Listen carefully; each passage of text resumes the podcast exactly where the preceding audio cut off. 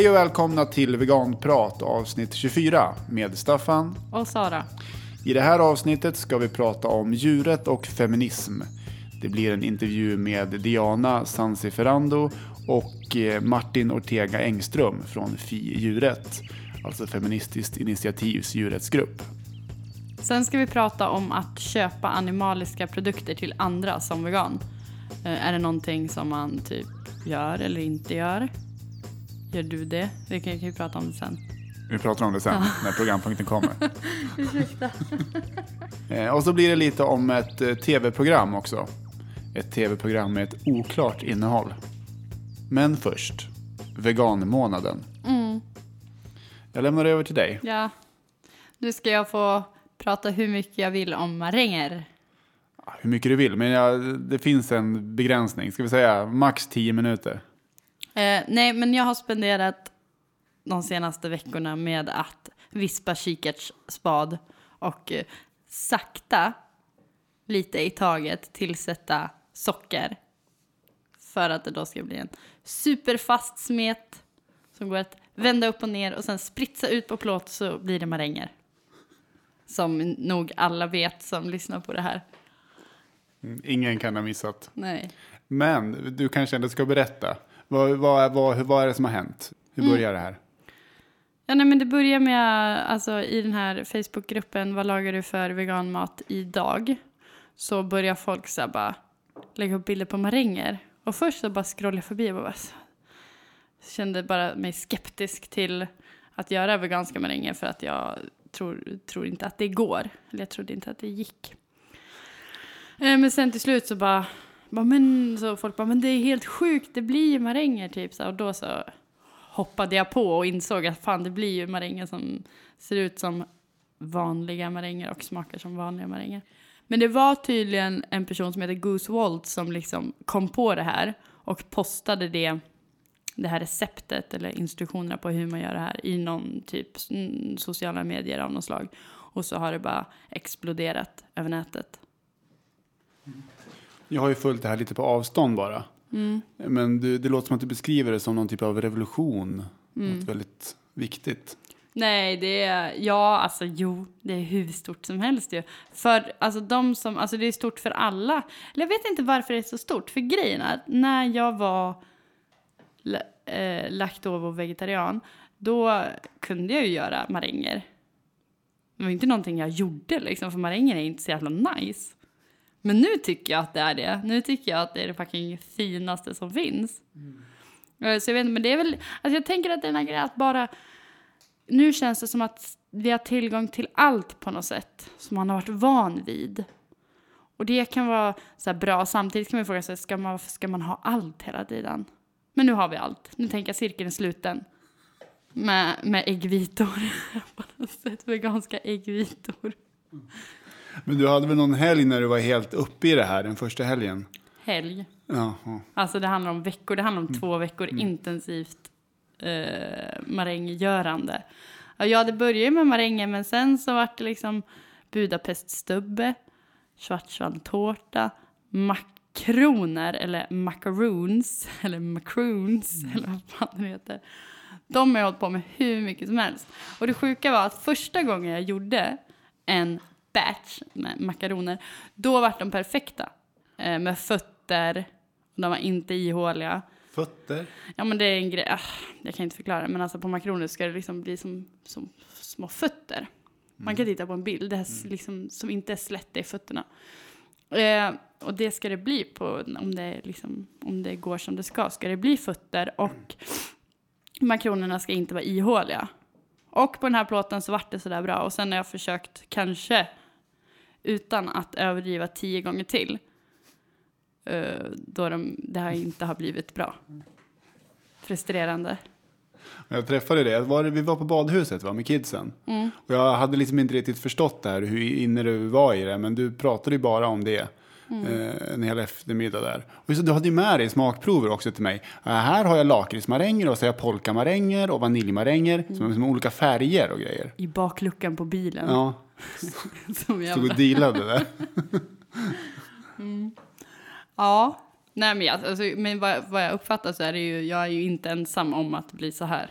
när det kommer till det här. Nej. Jag tror även att människor som typ, alltså om man är en person som gillar att baka eh, men inte har några maniska drag så tror jag att av det här så blir man fucking manisk ändå. Alltså för jag har ju som alltså vana att bli väldigt så här, väldigt, väldigt inne i saker och kan inte släppa det när det händer och sen så är det så i några veckor och sen så går det över. Men det känns som att det är så många som har blivit så här nu. För att jag kände ganska fort att okej, jag accepterade efter några dagar när liksom chocken hade lagt sig så accepterade jag, okej, jag kan göra maränger nu. Men i några dagar då var jag typ inne i så här, det var ett obehagligt tillstånd. Det var nästan så drömmer jag eller är det på riktigt? Alltså jag tyckte på alltså det var obehagligt för så här, jag, det kändes så här, jag vet inte. Som att jag inte riktigt visste vad som var sant och inte i världen. jag jag tyckte att det var jobbigt för det var så här, nej men för att jag var så glad för att jag, den här upptäckten, men sen var jag också så här rädd för att när ska jag vakna? Ja. Eller typ så här, alltså det kändes som att någon bara skulle kunna rycka upp dörren och bara säga så bara, haha, det är inte veganskt. Fast jag visste att det var veganskt. Jag kan ju ändå bli lite förvånad över att ingen har kommit på det här tidigare. Alltså kikärtor är Ja, ju ändå... det är flera som har sagt sådär, jag blir lite irriterad på det. Folk bara, varför har ingen kommit på det tidigare? Nej, varför kom du inte på det tidigare, Staffan? Nej, det är flera som har sagt varför man, nej, eller på ett sätt, för nu när man häller upp spadet från kikärtor typ, alltså det ser ju ut som äggvitor. Ja, det har jag sett lite skämt på nätet nu. När folk eh, häller ut kikärtsspadet i, i vasken Ja, jag tycker typ inte att det är kul. istället för att vispa Mm. upp det. Jag ser inte det roliga i det. Har, Jag har ingen distans alls. Men jag tycker inte att det är kul. Jag förstår ju att det är lite kul någonstans, men jag tycker verkligen inte att det är kul. Jag hällde ut alldeles nyss. Käkade ju nu till lunch här en liten wrap med kikärtor. Mm. Spadet. Nu kommer inte jag göra fler maränger till dig. Mm. Men eh, jag sparar i en liten låda. Man kan säkert frysa in det också. Där gick tiden ut. Nej, det gjorde den inte alls. Det gjorde den det på riktigt. Nej, du får prata mer. Eh, nej, men var var jag någonstans? Jag ville bara säga att de första dagarna var jag ett drömlikt tillstånd när jag inte visste. Men sen, det var det jag skulle komma till. Eh, första dagarna, då var jag så här, innan jag liksom hade så här bara accepterat, jo men jag kan verkligen göra det här, det är sant, det är ingen dröm. Eh, eh, det är en helt ny värld. När jag hade fattat det. Då så lämnade jag liksom det här med att göra maränger ganska fort. Och eh, för att det, man har ju mycket mer möjligheter än så. Man kan ju göra liksom så bakelser som innehåller maräng och marängsmörkrämen och alltså, hur mycket som helst kan man göra. Hur mycket som helst. Vad är nästa steg då i maräng, din marängvärld? Marshmallow. Marshmallows. Jag kan inte säga marshmallows. Marshmallows. Jag har beställt cream of tartar. Som är vinsten. Som är typ som syrningsgrej. Har jag beställt. Som jag har fått hem. Eh, beställt agar-agar. Pulver, inte flingor. För att kunna göra det här. Jag ska göra Lucky Charms. Och marshmallows och skumbollar. Skumraketer. Vi har ju haft en regel i podden om att inte prata om mat. Just av den här anledningen. Att det är lätt att det Att man inte kan släppa det. springer iväg. Va? Mm. Mm. Det finns en annan podd som jag kan gå med i. Eller jag hade faktiskt lite idéer på att göra om veganprat. Marängprat. eller? Uh, nej, alltså bakprat. Eller ja, marängprat funkar också. så att det, som, det är inte så jättestora förändringar. Vi skulle bara sluta prata om djurrätt. Börja prata om bakning och maränger. Och sen så skulle, Jag inte vara med. nej du skulle inte vara med utan det skulle bli jag. Lite, sådana planer har jag haft. Skulle säkert vara fler lyssnare. Jag tror det, jag tror faktiskt det. Alla fall, hur har du haft det? Ja, vad har jag gjort? Eh, Allt, allting bleknar i jämförelse. Du har ägnat dig åt djurrätt och sådana Mm, jag har väl gjort det. löjligheter. Sånt. Något Trams. Som trams, ja. Nej, men det har ju hänt. Min eh, kompis har ju blivit vegan. Just ja, Erik. Erik, en av mina äldsta vänner eh, från gymnasiet. Mm. Eh, det var bara här för någon månad sedan så släppte han bomben. Och det, det är bra. Ja, det är nice. Ja, kan man börja umgås med honom igen. Jag tycker om honom lite mer nu. Ja, Det, ja, jag, har, jag har faktiskt tänkt på det. Så här, ja, riktigt? Ja, på, ja, inte just det, inte på honom specifikt, men, men hur det är, så här, om det ändrar min bild av honom. Om jag på något sätt värderar honom högre nu när han är vegan än tidigare. Och? Jag kom ju fram till att det gör jag givetvis inte. Nej, tack. Men jag tänker ändå att vår relation kan fördjupas. Fördjupas, absolut. Eftersom vi har ytterligare ett gemensamt samtalsämne. Och han behöver inte så här, bli så här, känna sig obekväm och så här, börja så här, eh, skruva på sig varje gång jag pratar om det. Eh, utan han kan eh, entusiastiskt hoppa in i diskussionen och vara med. Mm. Och så kul, han berättade, han hade ringt hem till sin, till sin pappa när han berättade att han blev vegan. Eh, Så ringde han upp och så sa han det, ah, okej nu har jag bestämt mig för att bli vegan. Eh, Och, farsan bara, men Erik, du, du måste ju tänka på konsekvenserna. Och så Erik bara, ja men det är ju det jag gör. We burn. Men, och sen har jag ju hållit på med eh, hemsidan också. Veganprojekten.se. Veganprojekten. Mm, Det är plural. Plural där ja. Det är ju... Plural? Förlåt. Lät det västmanländskt? Ja. Mycket västmanländska nu. Nej men vi har ju pratat jättemycket i podden om veganprojektet Västerås. Våran lokala djurrättsgrupp. Eh, och det startade ju ganska snart ännu en, inspirerad av oss. Veganprojektet Stockholm i Stockholm. Just det. Eh, Och då snackade vi om att vi kanske borde göra någonting ihop. Vi har ju ändå samma namn. Eh, Då hittade vi på det här med veganprojekten. Som ett litet nätverk då, där vi ska liksom kanske samarbeta lite. Och så startar vi hemsidan här nu Första i mars. första mars. Ni får gärna gå in där och läsa och se hur vi tänker. Och Och en nyhet.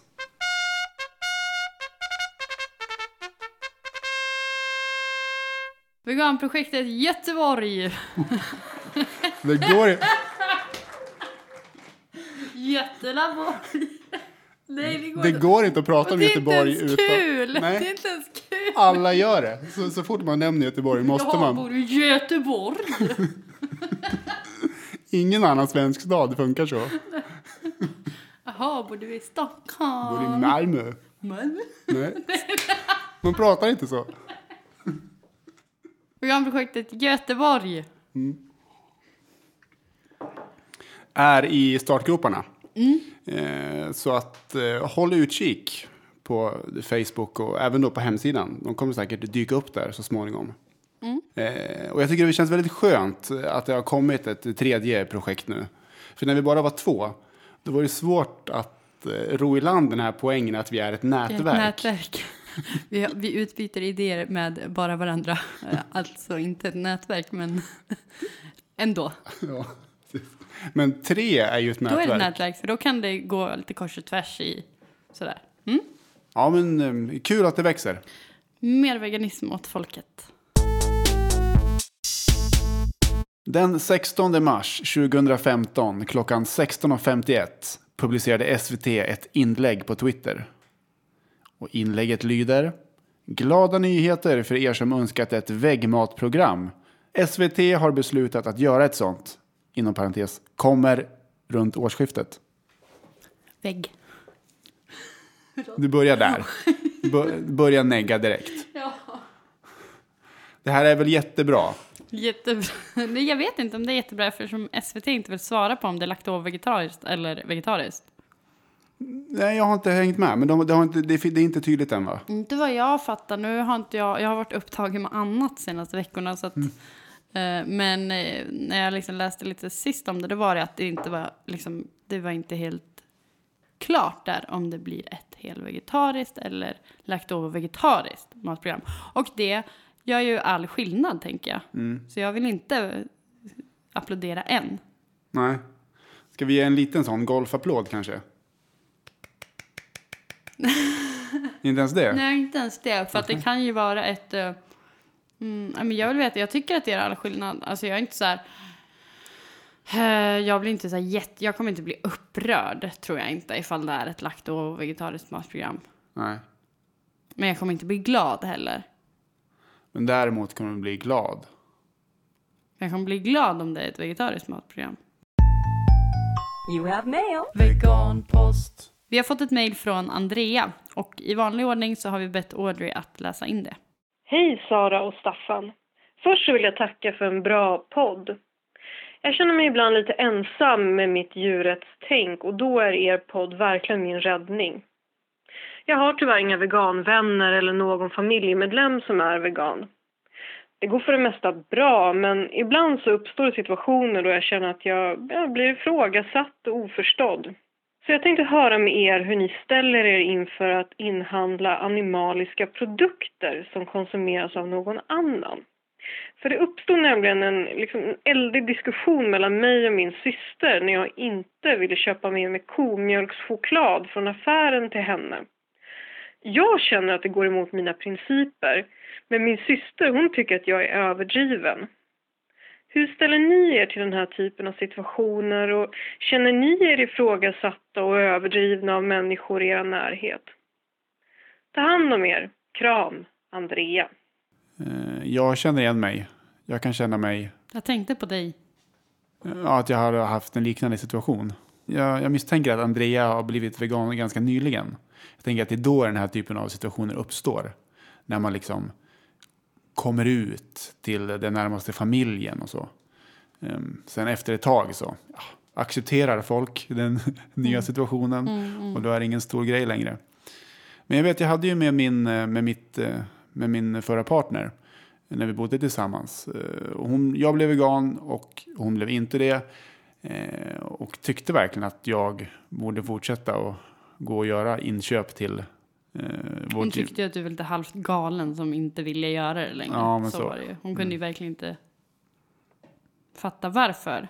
Och det är nog kopplat till det här att det är svårare att prata om veganism med familjemedlemmar eller kanske någon partner och sådär. För att det är så mycket annat som finns där. Det är så många liksom... Mm. Det är kanske också att man är mindre artig, är det inte det? Man känner varandra, varandra bättre. Och, och då ifrågasätter man mer. Alltså en jobbarkompis skulle ju inte gå på lika hårt och bara liksom... Den kanske skulle tycka precis samma sak. Gud vad du är överdriven och konstig. ja. Eh, Men håller det för sig själv och typ säga jag förstår, jag respekterar det. Mm. Och sen bara i huvudet bara ditt jävla freak. eh, ja, men sen tänker jag också att det är lite så här, jag tänker också att det är uppe, alltså så här, genuint att folk inte förstår varifrån man kommer. De förstår inte. Så här, men det är ju inte, det är inte du som ska äta chokladen, det är ju jag. Och då tycker jag, för jag kommer ihåg att jag har också lite liknande erfarenheter från förr eh, med eh, mitt ex då. Men då gjorde det liksom all skillnad när jag väl förklarade att så här, jag kan inte tänka mig att, alltså, jag vill inte bidra till ett djurutnyttjande med mina pengar. Men, men är det bara med pengarna? Men alltså jag tänker att situationen är att Alltså där, ja, typ tidigare när jag var nybliven vegan då så var jag ju utan undantag, jag skulle aldrig, aldrig, aldrig köpa en animalisk produkt. även om det inte var dina pengar, om du fick 20 Även om det spänn, inte var ja. mina pengar. Jag skulle aldrig köpa åt, åt någon med dens pengar. Mm, Det aldrig hänt. Nu Du mognat. Jag har mognat. Nej, alltså, nej. Det kan ju vara fel också. Det kan ju vara att man man tappar någonting liksom, när man har varit ett tag. Nej, men nu känner jag så här. Hade typ så här en eh, skolkompis som... Eh, vi skulle gå och köpa kaffe ihop och sen så behövde hon gå på toa och så gav hon mig 20 kan du köpa kaffe till mig? Och jag vet att hon dricker mjölk i kaffet. Och då gick jag och betalade för två kaffe. Um, alltså ett med mina pengar, och ett, eh, eller en kaffe med mina pengar, en kaffe med hennes pengar. Sen hade jag så jävla tur för jag kände liksom, äh, jag gör det liksom. Så jag hade två tomma muggar och sen skulle jag gå och liksom fixa i ordning kaffet och då var det så här, men då hade jag tur för då kom hon. så jag behövde inte göra någonting.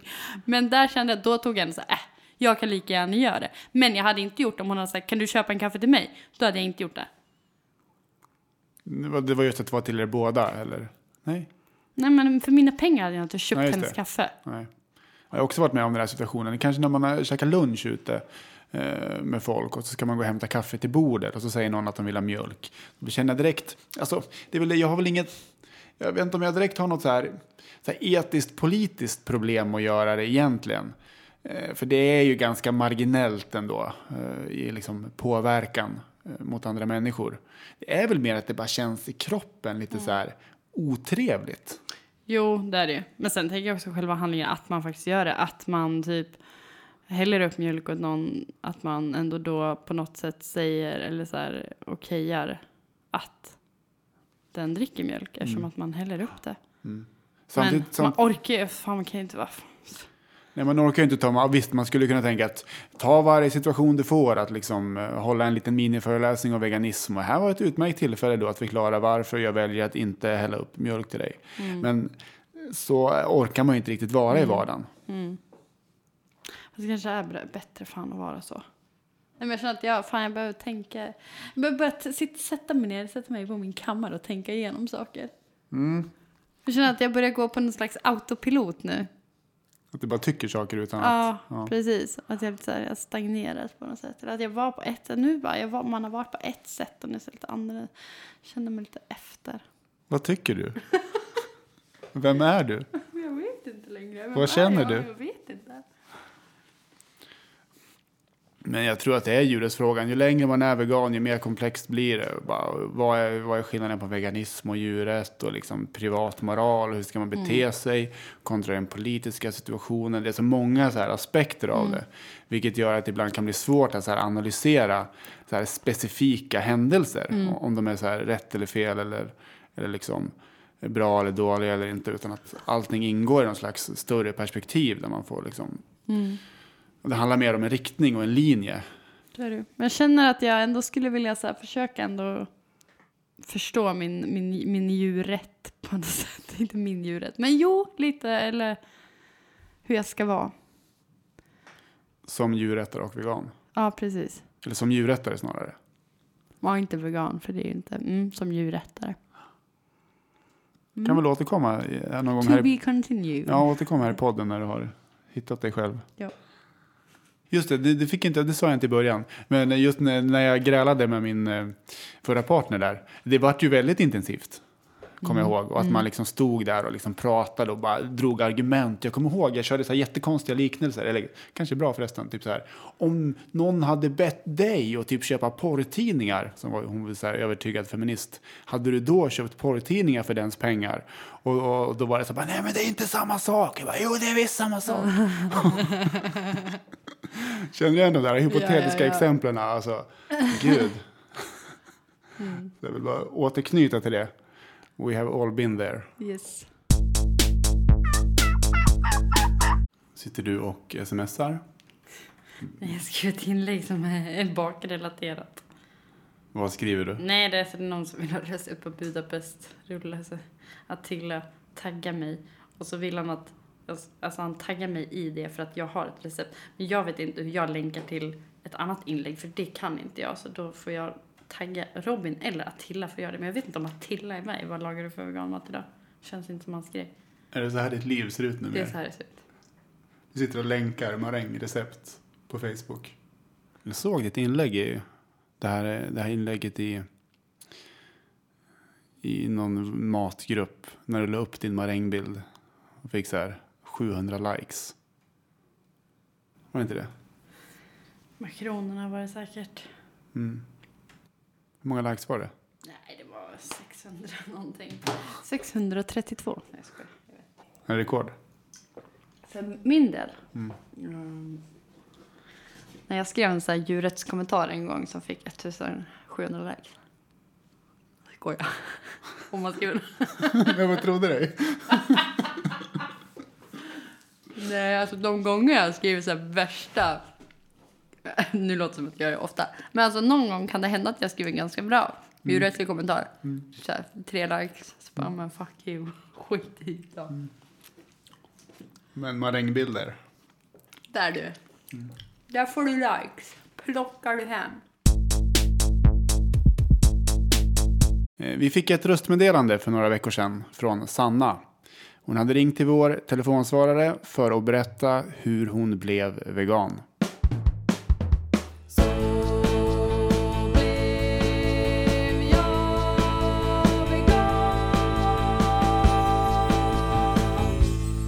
Hej, jag heter Sanna. Jag vill berätta om eh, när jag blev vegan. Eh, det var så här att jag hade haft ont i magen i stort sett hela mitt liv, ända sedan jag gick i började skolan. Eh, jag hade gått till olika läkare men inte fått eh, ut något annat av det än att jag troligen hade IBS. Eh, vilket bara är ett sätt att säga att vi vet inte vad det är, eh, men du har ont i magen. Eh, jag hade testat att föra matdagbok och utesluta olika saker men utan resultat så blev min lilla syster vegan för några år sedan och jag insåg att jag faktiskt inte testat att utesluta animalier. Jag var en sån här köttätare som inte ens reflekterade över vad hon åt. Min syster pratade inte särskilt mycket om sin veganism men jag läste på desto mer. Och sen en dag för tre år, eh, snart tre år sedan så insåg jag efter en grillkväll att det där var troligen sista gången jag åt kött. Jag ville helt enkelt inte mer. Eh, sedan dess har jag haft ont i magen eh, noll dagar på grund av mat. Mitt djurrättsliga engagemang har kommit sakta men säkert under tiden, ganska otvunget. Men i och med att min syster bor i en annan stad och jag inte kände någon annan som var vegan eh, i min närhet så har jag fått eh, göra detta på egen hand. Det har varit bra tror jag, för jag har aldrig känt någon press utifrån. Jag har alltid haft möjlighet att gå tillbaka till att äta som jag gjorde förr utan att någon i min bekantskapskrets skulle döma mig. Det gör i sin tur att jag hela tiden kommer tillbaka till faktumet att det var jag som valde detta. Och jag har aldrig ångrat mig. Syskon alltså. Mm, vi har ju haft en liten teori om att om eh, ett av syskonen är vegan så ökar risken att de andra syskonen också blir det. Och det här stärker ju den teorin. Har vi berättat om våran syskon-vegan-situation? Jag tror Nej, inte det. alltså, fast vi kan ha nämnt det. Jo, vi har Jag- säkert nämnt det. Men jag tror ändå att det kan vara otydligt för lyssnarna. Ja. De vill nog veta hur många Berätta. syskon vi är. Vi är alltså sex syskon. Ja, Jag är äldst. Ja, Och sen, har, sen kommer Sanna. ja. Eh, har varit vegan. Inte längre Alltså det vegan. där är jävligt känsligt för mig fortfarande att prata om. Så att jag, vi, ja, hon slutade vara det för några veckor sedan. Sen har vi Sara. Mm. Vegan. Sen kom Kajsa. Sen kom Kajsa, vegan. Vegan. Sen kom Emma. Som vi inte har växt upp med. Som är mitt syskon. Ja, ditt biologiska, men vi, jag och Emma räknas ändå som systrar. Just det. Eh, har också varit vegan. Inte vegan längre. Eh, sen det sista syskonet, John Love. Väldigt, väldigt ung. Han är ju två. Två år. Han fyller tre. Han är tre, kan vi säga. Mm. Har inte gjort några medvetna djurrättsliga beslut än i sitt liv. Ja. Eh, men han äter väl en lakto och vegetarisk kost? Nej, det gör han inte. Inte ens det? Nej. Nej, Pappa ger han ju saker.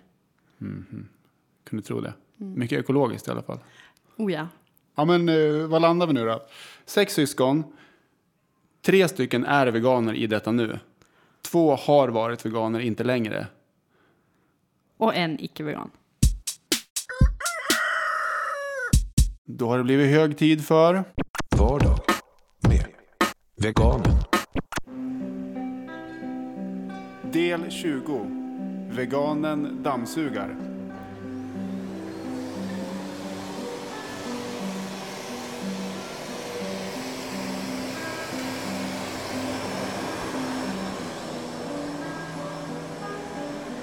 Vardag med Veganen. Det kan inte varit typ igår du spelade in det där ljudet. Utan det måste vara lite längre tillbaka i tiden. Vad baserar du det på? Baserar det på ditt, på ditt golv. Kul fakta om Staffans dammsugande är att eh, varenda gång han dammsuger så, så vaskar han också golvet. Gör inte alla det? Nej, men det här alltså det innebär ju också att du inte dammsuger så jävla ofta. Nej. För att jag dammsuger kanske tre gånger i veckan. Så att jag kan ju inte hålla på och vaska varenda gång jag dammsuger. Moppa säger man i Sverige. Vaska säger man. Nej, de flesta säger moppa. Svabba säger Robin att man säger. Dummaste jag hört. Våttorka. Det känns som det är liksom officiella, officiella ordet. Jag säger vaska. vaska. Vad säger ni?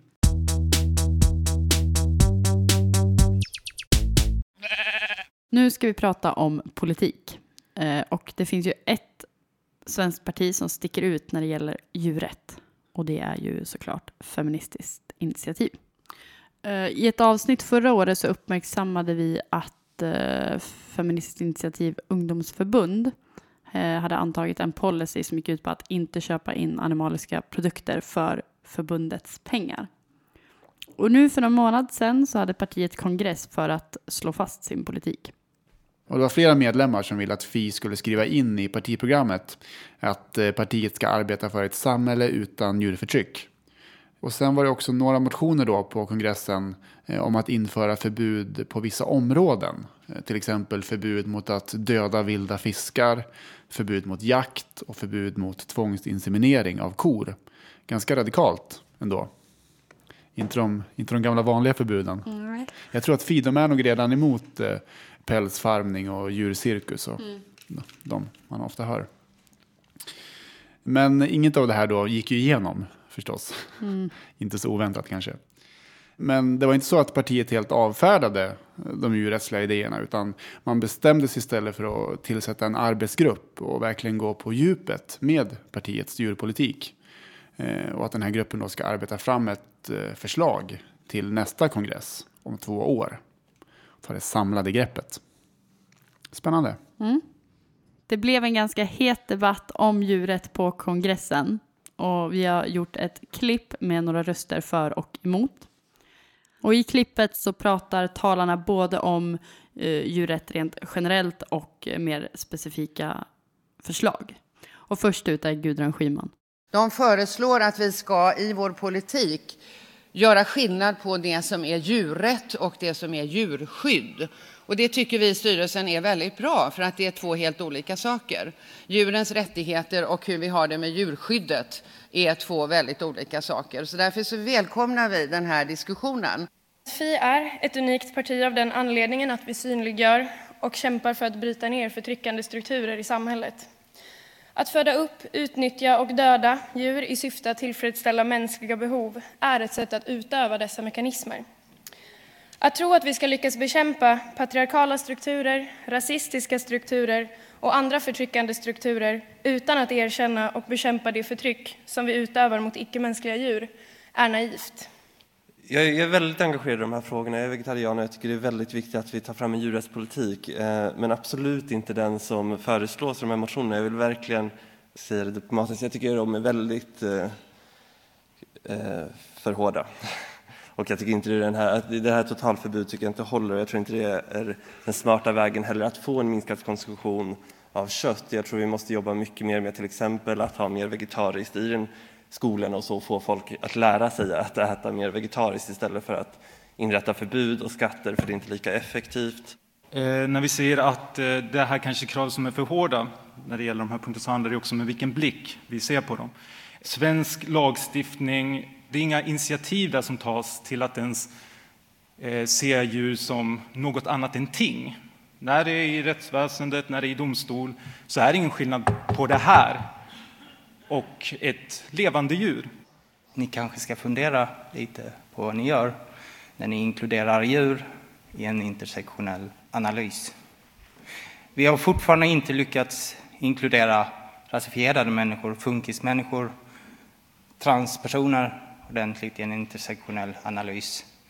Um, ni kommer att alienera oerhört många människor från partiet om ni gör det här. Bara lite basic info. Till exempel kor att, eh, som, eh, som hålls inom mjölkindustrin. När de knappt är könsmoga så tvångsinsemineras de. De är gravida i nio månader. Man tar deras barn ifrån dem. Det här stressar upp dem väldigt mycket. Vi utför ett våld på deras kroppar och vi utnyttjar deras reproduktiva förmågor. En av tio kalvar föds döda för att kalvningen är så svår och det här är för att vi avlar på dem för att de ska producera mer och mer mjölk. Sen eh, tycker jag också man ska ha i åtanke vilka strider vi ska ta. Det här känns som en typisk punkt där eh, en del som går igenom partiprogrammet som fan läser Bibeln och hittar att ja, nu ska det vara förbjudet för barn att fiska abborre. Det är så problematiskt att Tack. förbjuda. Ja. Jag tänker att det är en ganska självklar fråga och att Fi borde ställa sig emot jakt eftersom vi är emot vapen och våld i andra sammanhang. Det är inte etiskt välgrundat att gå ut i skogen för att döda andra varelser. Jag tycker att vi borde ställa oss bakom det här förslaget att avskaffa jakt. Samtidigt tycker jag att vi måste ändå ställa oss intersektionellt. Tänka att jakt i Sverige är också en, en klassfråga. Det är många som drygar ut så att det ska gå ihop under året med att jaga och sånt där. På landsbygden till exempel. Dessutom, må, mycket av de här, många av de här motionerna tolkar jag som väldigt etnocentriska. Utifrån en stadsbo, eh, ja, radikal i och för sig position, men ändå som i princip skulle innebära slu, eh, utrota jakt och fiskesamerna, utrota renskötande samer, utrota massajer, utrota massor med andra urfolk. Så att utifrån det perspektivet så vill jag bara säga det. Jag tror många tänker att den här motionen är otroligt radikal, eh, men jag tänker att vi måste våga vara radikala. Vi är ett parti som är visionära och eh, i många andra frågor. Jag tycker att vi måste vara det i den här frågan också. Vi måste vara medvetna om att det finns en köttnorm i vårt samhälle och vi måste våga ifrågasätta den normen. Så jag tycker vi måste verkligen våga ta ställning i de här frågorna. Det är jätte, jätteviktigt. Eh, Och om det är något parti som ska göra det så är det ju Fi. Det är vi som är det parti som vågar ha visioner. Så jag tycker det är jätteviktigt att vi vågar ta ställning. Tack så mycket för det Kajsa. Gudrun, nästa talare. Jag vill bara säga att när vi diskuterade det här i styrelsen så var vi väldigt överens om att det här är ett oerhört viktigt avsnitt. Men vi var också överens om att vi måste klara ut de här mera grundläggande frågorna, hållningen till eh, hur vi ser på vad som är rätt och vad som är skydd och hur vi ser på basnäringarna i landet och hur vi ser på renskötseln och fisket längs kusterna och så vidare. Det bästa som vi menar då från styrelsen är att vi nu tar ett samlat grepp om detta och startar eller utvecklar den här oerhört spännande diskussionen där ju vi som parti är mycket stolta över att vi ligger i framkant och att vi har så många medlemmar som är mycket, mycket kunniga på det här området. Så vi ser fram emot otroligt spännande diskussioner. Innan vi säger någonting annat så, så måste jag bara säga att jag fucking älskar Gudrun Schyman. Eh, jag älskar hennes... Ni kanske lade märke till att hon har nu myntat ett nytt sätt att prata om djurrätt. Eller ska jag säga rätt? Vad som är rätt och vad som är skydd. Ja, det är så jävla fantastiskt. Det, det blir ett, ett helt nytt sätt att, att prata. Att prata om det för rätt? Att prata om rätt. Vi pratar om rätt och skydd.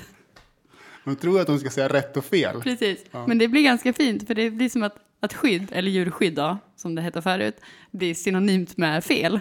För när hon pratade om det så var det ju ändå så här, vad som är rätt och vad som är fel skydd, fel skydd, fel. ja, jag tyckte det var kul.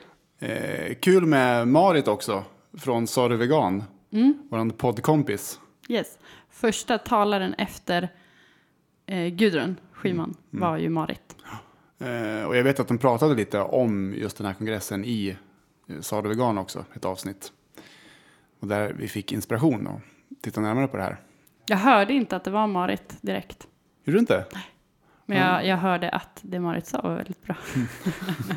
Alltså professionell politikerröst Mm, kanske, mm. som skiljer sig från hennes Mm. poddröst. Mm, kanske. Överhuvudtaget så tycker jag att det var kul att lyssna på ett, ett sånt här samtal som har så eh, hög nivå på något sätt. Mm. Man kände igen ganska mycket, men det var som att det var så maxat. Eh, eh, maxad liksom. Ja, men du, menar att det var, att det var väl argumenterat? Mm, precis. Ja. Man märker ju att det är ju en känslig fråga, djurrätt. Mm, verkligen. Särskilt i kombination med det här med intersektionalitet. Mm, Det kommer vi komma in mer på senare i programmet. Alldeles strax. Först ett fun fact. Fan, vad är det då? Att det var veganskt på kongressen. Ja, det var det. Mm. Det är de nog ganska ensamma om, Fi. Att ha en vegansk kongress. Om det visar än en gång att det är det partiet som verkligen sticker ut på det här området. Mm. Eh, Sen var det här också då med Fi djurrätt. Och det är ju då en grupp för medlemmar i partiet som vill lyfta djurrättsfrågor. Och den här gruppen har funnits i ett år ungefär. Eh, men de har ingen gemensam plattform, inget så åsiktsprogram typ. Eh, och de har inte heller några valda företrädare. Utan det är mer som ett eh, löst nätverk. De ska väl liksom hjälpa varandra och stötta varandra. Och jag ringde upp två av medlemmarna i FI-djuret. Diana Sanseferando och eh, Martin Ortega Engström. Eh, och de var båda två eh, väldigt aktiva på kongressen och hade skrivit många djurrättsmotioner. Och båda två hördes även i det här klippet tidigare. Mm.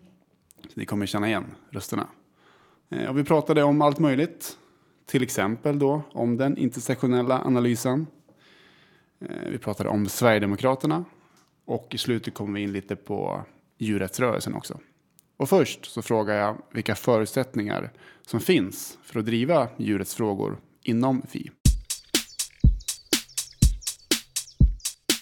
det finns helt andra förutsättningar för ett parti som Fi där, där man har en maktanalys, man Mm. ser eh, strukturella förtryck och hur de samverkar och man ser men helt enkelt att all, hela politiken går ut på att se eh, stru- strukturer som är diskriminerande och att nedmontera dem.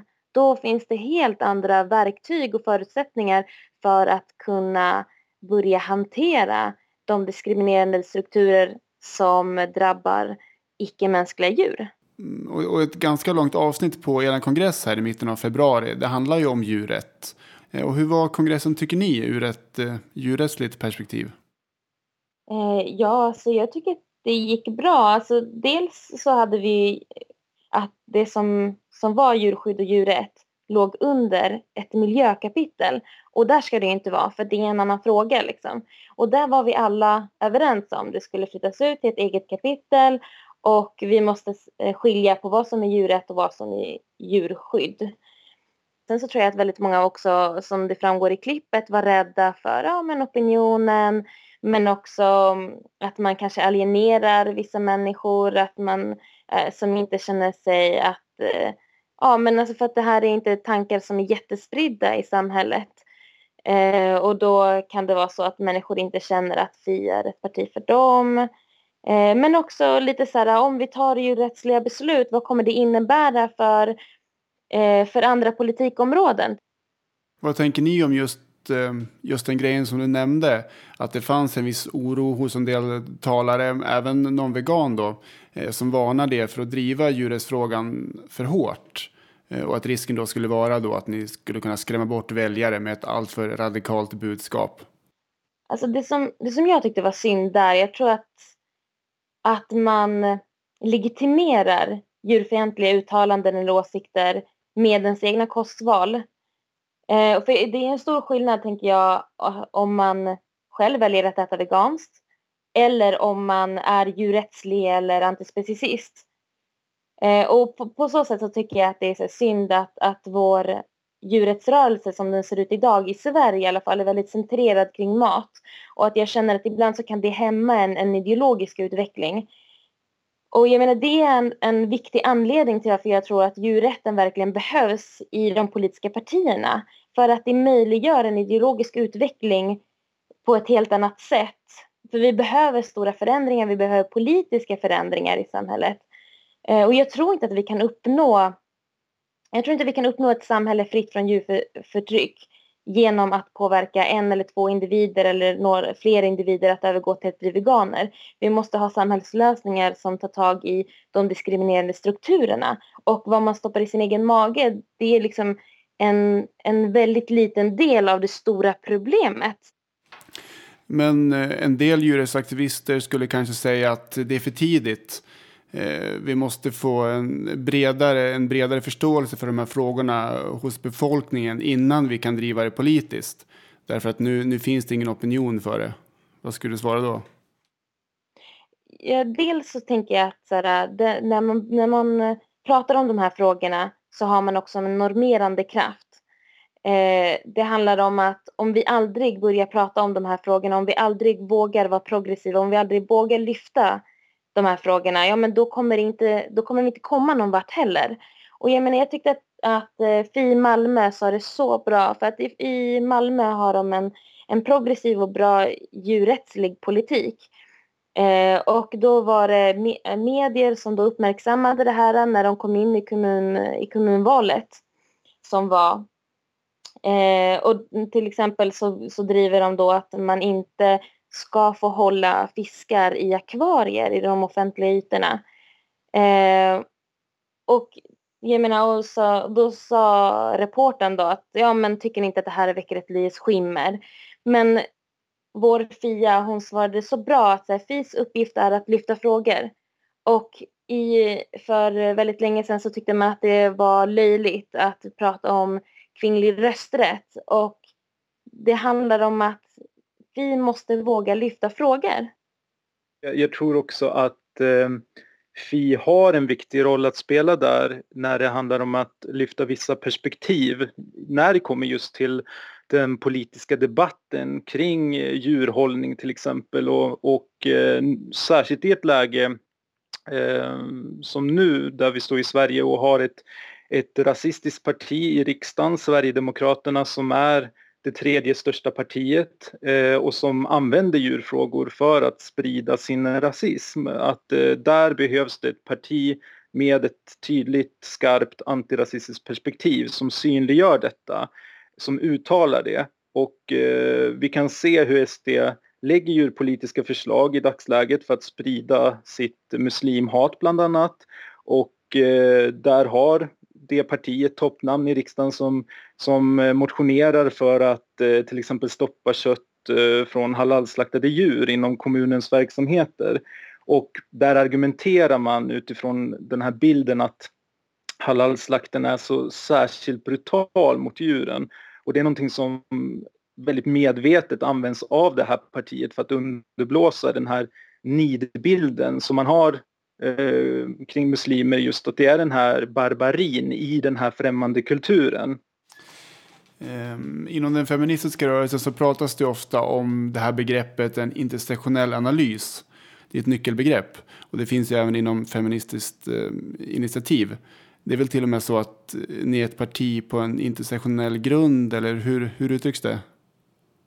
Ja, precis. Det är ju väldigt viktigt där, eh, menar vi, att, att visa på hur olika förtrycksformer samverkar. Eh, att det är någonting som hjälper oss att se hur maktordningarna faktiskt ser ut och det, det hjälper oss att, att ta fram mer träffsäkra, eh, en mer träffsäker politik helt enkelt, hur vi kan tackla de här problemen.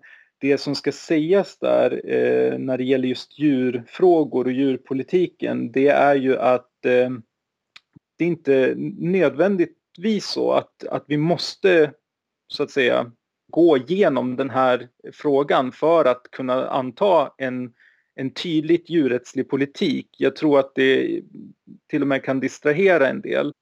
Och jag, om, om jag tänker på mig själv så är jag inte heller så himla säker på om vi ska i det här läget inkludera icke-mänskliga djur i en, en intersektionell analys. Det här är någonting som, som vi även inom fidjuret har eh, skilda åsikter. Vi har, vi har debatterat det här inom, inom vår grupp. Och jag menar några som tycker att det självklart ska, ska inkluderas och andra som tycker att, att nej, att vi inte ska göra det. Varför ska man inte göra det som djurrättare? Eh, den intersektionella analysen är någonting som har tagits fram av rasifierade för att lyfta in sig själva i ett rum där man har exkluderats. Och då finns det den här historien av hur man har eh, använt liknelser, alltså att likna människor till andra djur som någonting negativt och dåligt. Och eh, sen att man då ska ta det här verktyget som, som har skapats och används av rasifierade för att få in djur, att man så snabbt kopplar den gruppen av människor till djur när det rent historiskt används på ett väldigt eh, diskriminerande och negativt sätt. Ja precis naturligtvis eftersom det finns människor som uttryckligen säger att de tar illa vid sig och det är någonting som jag inte bara tror kan förklaras av en specicism eller att man har en, en eh, dålig kännedom om hur djurförtrycket ser ut utan jag tror att, eh, att samtalet i sig kring eh, huruvida vi ska inkludera djur i intersektionell analys, jag tror att det i sig kan reproducera det här mönstret som vi har haft ända sedan eh, ja, de, de öppet, när, när samtalen fördes utifrån koloniala idéer. Det var ju tydligt också på kongressen där i klippet om att det här kan vara en känslig fråga. Det var en person där som bland annat eh, eh, kände en viss oro för att om djurrätten kommer in då kan det bli så att eh, tror det nämndes jakt och fiskesamer att de måste försvinna då eller till och med utrotas. Hur tänker ni när, när ni har ett sådant uttalande? Jag har jättestor förståelse för den här kritiken som har lagts fram för att det är jätteviktigt att eh, djurfrågorna lyfts fram med ett tydligt postkolonialt perspektiv. Att vi har en förståelse för att våra samhällen har rötter. Eh, vi har ett kolonialt arv. Eh, att kolonialismen fortfarande har ett grepp kring hur vi för diskussioner, hur vi talar kring eh, andra, så kallade andra samhällen. Och att eh, Sverige inte på något sätt har gjort om med, eh, eller att Sverige inte på något sätt har gjort upp med eh, sitt eh, förflutna i kolonialismen. Det är någonting som är fullt pågående och där, när vi ställer djurrättsliga krav, så är det väldigt viktigt att det inte, att det inte tar sig uttryck av någon slags kolonialism. Jag personligen tror inte att det är någon risk för att en, en skarp jaktkritik i FI som punktmarkerar eh, det som är en nöjesjakt, något som eh, bedrivs av resursstarka grupper, majoritetssvenskar, eh, det är en våldsbejakande mansroll kan man säga som, som ett feministiskt perspektiv verkligen behöver synliggöra. Och, och där, jag kan inte se att det på något sätt, att synliggöra en sån struktur står inte i någon slags, det är ingen konflikt mellan det och eh, urfolks rättigheter. Eh, men det handlar om att vi, vi måste nog vara tydligare med att, att lägga fram det på just det sättet och att vi får mer utrymme för att ha de här diskussionerna. Och det är det vi nu kommer ha med den här arbetsgruppen. Det kanske inte riktigt fanns utrymme för det på kongressen. Eh, så jag, jag är jätte, jag ganska höga förhoppningar här om att vi kan, vi kan lösa det på ett väldigt bra sätt. Men sen så skulle jag liksom rent personligen säga att jag menar jag, jag alltså att man kanske inte ska gå in och eh, när man inte själv är same gå in och eh, vilja styra och ställa eh, i den samiska nationen så betyder inte det att jag eh, gärna ser eh, samer själva lyfta de här frågorna ur djursperspektiv. Det handlar mer om att det är problematiskt att när man inte ingår i nationen själv komma och bestämma från något annat håll.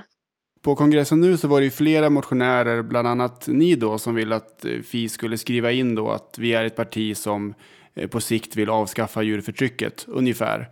Ehm, eh, en sån formulering Tror ni att en sån skulle vara möjlig redan om två år eller är det någonting som ligger längre fram i tiden? Jag vet inte, men alltså jag, jag tror att så här, äh, det, det, kan bli svårt om man går in och på riktigt eh, diskuterar och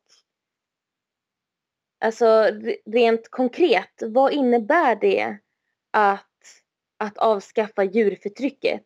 Om man på riktigt går in och ser vilka konsekvenser det skulle ha för hela samhället, då tror jag att det blir lite svårare faktiskt.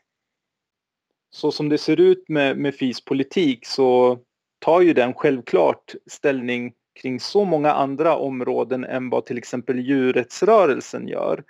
Eh, och därför så, så måste ju politiken, djurpolitiken integreras i det. Eh, därmed inte sagt att, eh, att det djurrättsliga ska underordnas, att, att eh, andra saker nödvändigtvis eh, ska ja, få företräde. Då. Eh, det här är min personliga åsikt. Men eh, jag tror att lika mycket som Fi behöver en, en djurrättslig politik så behöver även djurrättsrörelsen en, eh, en antirasistisk feminism.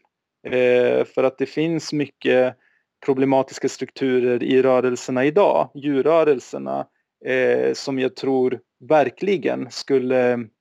Jag tror att rörelserna där som kämpar för eh, djurs intressen verkligen skulle gynnas av ett politiskt parti som, eh, som har ett antirasistiskt feministiskt perspektiv eh, och att det skulle det skulle ja, aktualisera de här frågorna på ett helt annat sätt. Och jag, jag, tror att det skulle eh, vitalisera hela, hela debatten och sättet som vi kommunicerar kring de här frågorna.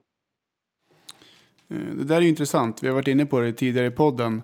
Eh, Just det där vad djurrättsrörelsen eh, kan liksom ta till sig av de här andra perspektiven med antirasism och feminism och sånt. Eh, Kan du ge några exempel mer vad du tänker på att vi behöver bli bättre på? Inom djurrättsrörelsen tänker du då eller? Ja, nu är jag djurrättsrörelsen. Nej, men ur ett antirasistiskt perspektiv så tänker jag att eh, eh, det är väldigt viktigt att uppmärksamma vilka typer av berättelser som vi använder, de grepp som vi har för att intresseväcka. Det, det jag tänker på spontant här, det är alltså till exempel sådana här eh, framställningar, sådana här grepp eh, där vi frågar oss varför vi älskar hundar, äter grisar och klär oss i kor där finns det en kulturell referensram. Eh, det avgör vilka vi, vi riktar oss till. Vilka är det här viet eh, och vilka är inte viet? Det finns väldigt stora delar av världsbefolkningen som inte älskar hundar, som inte äter grisar och som inte klär sig i kor.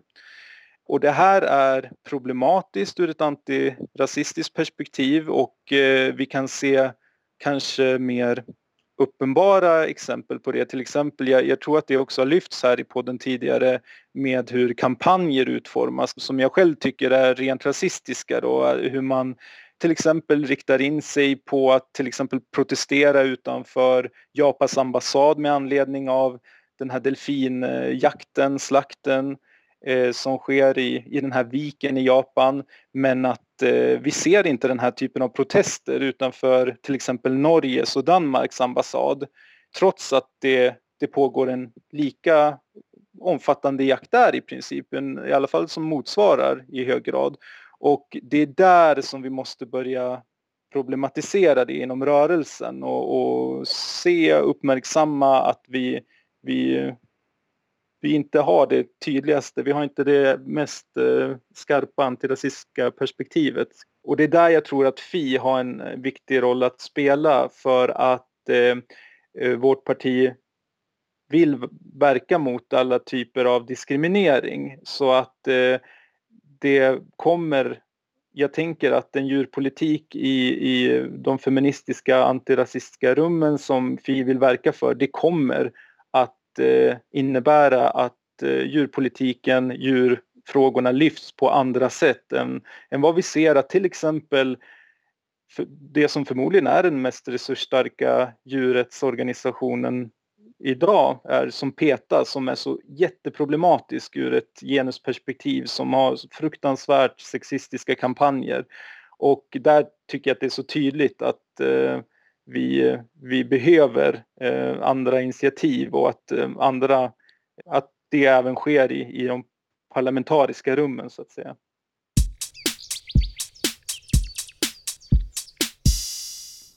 kan verkligen hålla med om att det saknas ett antirasistiskt perspektiv. Eh, generellt, alltså både inom den feministiska rörelsen och eh, den djurrättsliga rörelsen överallt. Vi är fett dåliga på att se. Ja, vi har ju pratat tidigare om det här med eh, djurskyddsnationalism och eh, just det här att fokusera på delfinslakt i Japan eller hundätande i Kina och sånt. Att det, det finns ju en risk att det här reproducerar rasistiska stereotyper. Mm. Men jag vet inte om det var en grej jag missade, liksom. eller jag fattade inte riktigt det här med att um eh, eller jag fattar på ett sätt, men på ett sätt håller jag väl kanske inte riktigt med då. Här med varför vi klappar hundar och äter grisar och vilka är det här viet? Eh, och att det kan bli en form av typ rasism då, att, att säga sådana saker för att eh, Exkluderar. Precis. Eh, samtidigt så kan jag se det som att det blir... Eller inte, om man är uppväxt i en kultur som klappar hundar och äter grisar så är det också den enda kultur som man har rätt att kritisera. Och hur ska man kunna göra det på, utan, utan att, att uttrycka det så? Det blir jävligt svårt. Mm. Jag vet inte vad alternativet skulle vara då. Det är väl att börja i någon annan ände. Att börja liksom, att inte göra den poängen överhuvudtaget utan gå direkt på liksom djurets kärna eller Mm. Men jag tänker att man kan också så här, man kan ta upp det så här, ja men alltså, om man tar upp vidden av eller liksom de olika kulturella föreställningarna om vad som är ätbart och vad som inte är ätbart, om man lyfter det mm, och jämställer, alltså allting är precis likadant, Mm. Funkar det inte då? Ja, man visar på godtyckligheten snarare. Mm. Eh, att här äter vi det, där äter de det och, och här klappar vi den och där klappar de den. Och allt är bara traditioner. Mm. Ja. Nej, men jag tänker också att det är, väl liksom, det är dit man måste komma ändå i slutändan. Att, eh, när det gäller djuret så, Så, är vi Lika. oavsett.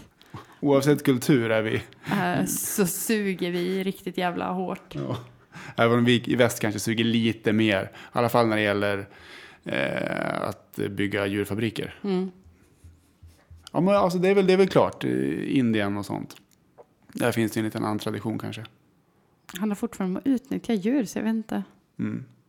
Ja, Nu pratar vi inte om att det finns, ens- alltså det finns ju i, överallt finns veganer också. De är inte Mm. det. Men alltså rent generellt så i alla kulturer så utnyttjar vi djur. Det finns ingen kultur där vi inte utnyttjar djur på ett eller annat sätt. Ja, men jag tror att det är, bra, det är bra att göra den poängen och trycka hårt på det. Sen var det det här med partipolitik. Där kan man vara för eller emot. Ja, det kan man. Mm. Och vi är ju lite rörande överens. Som vi är ibland i alla fall. Ja, ibland. Mm. Eh. Nej, men så kan väl jag känna. Alltså, jag, jag, alltså, vad ska man säga, anarkisten i mig vill ju bara så här avskaffa staten, eh, förbjuda alla partier, Mm. tillbaks eh, till folket. Eh, Men medan liksom djurrättaren i mig känner så här, wow, jippi, äntligen liksom lyfts djurrättsfrågan i ett, liksom, i, en, i ett offentligt sammanhang, i ett parti där det liksom ändå kan få lite genomslag och bli stort. Så det är verkligen så här en, en, en dubbel känsla, Ja. verkligen genuint. Det är svårt att, att, att inte se det som någonting positivt att eh, Feministiskt initiativ håller kongress och, och debatterar djurrätt. Liksom. Ja, verkligen. Det känns som en framgång för djurrättsrörelsen. Mm. Jag kanske inte så mycket på fötterna. Men jag har liksom alltid tänkt att djurrätten kommer nå politiken när vi har en rörelse som liksom formar den här politiken, som, som gör att den politiken lyfts fram. Och som jag ser det nu så finns det ingen djurrättsrörelse, eller alltså det är klart det finns en rörelse, men den är inte liksom tillräckligt stor för att föda fram en, en ny politik. Uh, men alltså, här, ja, FI eh, lyfter in djurpolitik, men det är ju fortfarande i ett parti som har växt fram från en annan rörelse. Och, och Den feministiska den feministiska, och, och den har liksom stöd. Det är en gräsrotsrörelse som har vuxit, som liksom verkligen så här, det går att driva de här frågorna för att det finns opinion. Men det är inte samma sak när det kommer till djurrätten. För att även fast det finns djurrättsaktivister så alltså i jämförelse med typ arbetarrörelsen eller den feministiska rörelsen så är det ju faktiskt ingen rörelse än. Nej. Men vi hade ju djurens parti då som snarare som växte fram ur, någon slags rörelse. I alla fall på ett annat sätt. Fast de, Fast kommer ju kanske mer från... djurskydd. Ja, mm, skydd. Mm, skydd, ursäkta mig. Säger jag. Ja, men det var ju fokus skydd där. Eh, men ja, fast samtidigt också, det, ja, hur bra det gick där för djurens parti. Sen, alltså, jag, jag, alltså, jag tycker ändå att det finns en poäng med det här att en politiker är ju inte bara en följare. Det kan ju också vara personer som sätter agendor och Mm, har, som det finns en, en normerande kraft och att det syns i tidningarna att, att vi driver den här linjen och har ni tänkt till och så. Så det kan ju verkligen finnas, eh, politiker har ju alltid en plattform på ett helt annat sätt att, att få ut ett budskap. Mm. Eh, Så jag skulle inte vilja att Fi nej, nej, nej, nej. driva djurrättspolitik, snarare mer. Absolut. Och, och liksom, ja, Du vet att när vi lever i en djurrättslig värld, Staffan, ja. då tror jag inte att världen är speciellt parlamentarisk längre. Det vill jag bara säga.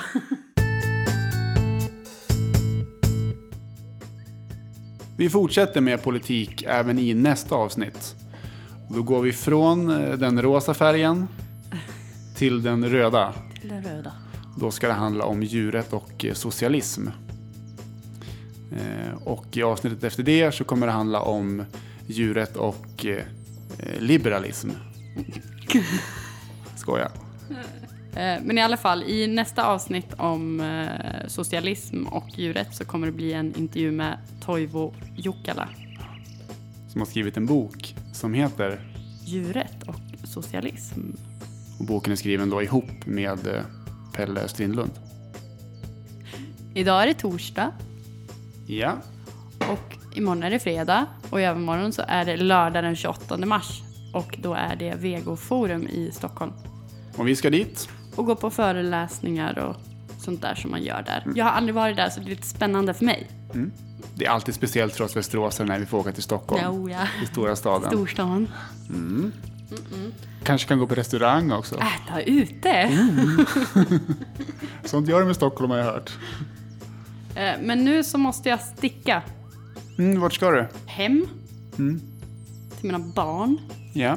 Och ni får gärna mejla oss. Kontakt snabel a veganprat.se Eller gå in på hemsidan. veganprat.se Och gå gärna in på veganprojekten.se också. Eh, Och om du inte är vegan, Bli vegan. hej då! Hej då, hoppas vi syns på Vegoforum.